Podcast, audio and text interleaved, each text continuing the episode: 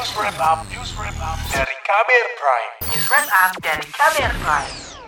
Saudara, harga kebutuhan pokok dan energi terus melonjak di dalam negeri.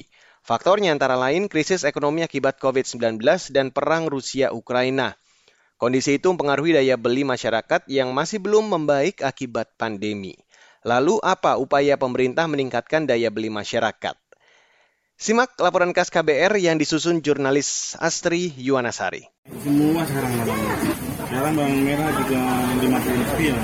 Satu pas, lima. Sebelumnya juga harga bawang itu empat. Saya kemarin baru ngambil harga empat lima. Sekarang sudah naik lima puluh.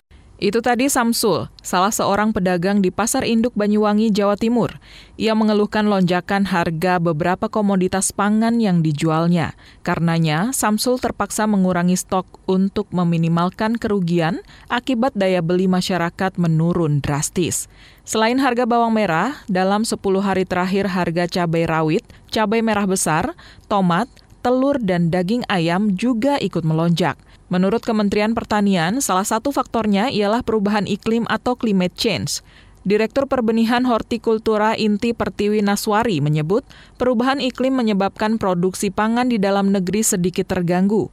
Imbasnya, harga sejumlah komoditas pangan melonjak. Namun ia mengklaim stabilitas pangan masih cukup baik di tengah goncangan krisis pangan yang melanda secara global masih ada beberapa komoditas yang terganggu karena memang climate change yang tidak bisa kita ramalkan. Nah ini yang terjadi untuk beberapa komoditas hortikultura. Agak rawan nih hortikultura ini ya. Jadi apa namanya fluktuasi harganya ini sangat terganggu oleh uh, musim. Pada saat musimnya ya tadi ekstrim cuacanya panennya terganggu harganya naik. Direktur Perbenihan Hortikultura Inti Pertiwi Naswari menyebut banyak negara yang mulai menghentikan ekspornya karena krisis pangan. Namun kata dia, Indonesia termasuk beruntung karena secara perlahan mengurangi ketergantungan impor, seperti impor beras yang nihil selama tiga tahun terakhir. Selain faktor cuaca, penyebab lain krisis pangan dan energi adalah perang Rusia-Ukraina yang berlangsung sejak akhir Februari. Perang itu menyebabkan tiga krisis di dunia, yakni krisis pangan, energi, dan keuangan. Sebab Rusia dan Ukraina merupakan pemain penting dalam rantai pasok pangan dan energi global. Kedua negara menyuplai 30 persen gandum dan 20 persen jagung dunia. Akibatnya, harga pangan naik hingga 31 persen.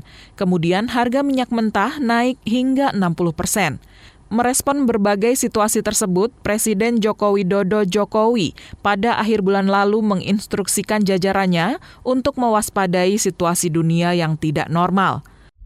Beras naik, tolong sering dibandingkan dengan negara-negara lain. Harga gandum naik, naiknya berapa? Sampaikan pada masyarakat. Dan yang paling mengerikan adalah ancaman kelaparan dan ancaman kemiskinan ekstrim yang mulai kelihatan di negara-negara lain.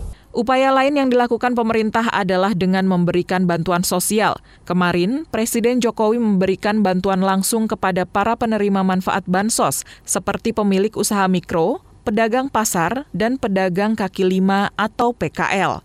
Karena kita ingin jangan sampai daya beli rakyat itu turun, jangan sampai daya beli masyarakat itu turun. Sehingga kalau ada kelebihan di APBN, dari pajak, dari PNBP, dari pungutan ekspor, akan juga diarahkan untuk yang masyarakat yang di bawah ini juga diperkuat daya belinya, sehingga bisa nanti akan ada tambahan tambahan untuk mereka. Kenaikan harga pangan dan energi di dalam negeri berdampak terhadap daya beli masyarakat dan kondisi ekonomi rumah tangga. Itu sebab kinerja ekonomi pemerintah kurang diapresiasi masyarakat. Dalam survei yang dilakukan Lembaga Indikator Politik Indonesia, hanya sedikit responden yang mengaku merasakan perbaikan ekonomi. Direktur Eksekutif Indikator Politik Indonesia Burhanuddin Muhtadi ekonomi rumah tangganya lebih baik dibanding tahun lalu. Jadi lagi-lagi ada perbaikan. Tahun lalu masih era pandemi, ya. bahkan kita menghadapi gelombang delta, ekonomi cukup terpukul, eh, apalagi tahun 2020. Nah kalau kita bandingkan persepsi hari ini dibanding tahun lalu, ekonomi rumah tangga responden mengalami perbaikan. Lebih banyak yang mengatakan ekonomi mereka itu lebih baik atau jauh lebih baik. Netnya positif, jadi agak beda dengan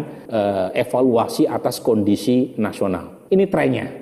Burhanuddin Muhtadi memerinci jumlah responden yang kondisi ekonomi rumah tangganya saat ini lebih baik mencapai 36 persen.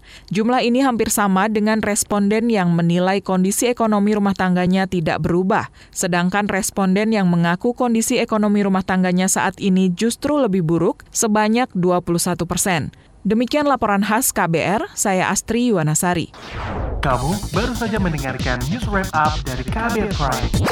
Dengarkan terus kbrprime.id, podcast for curious mind.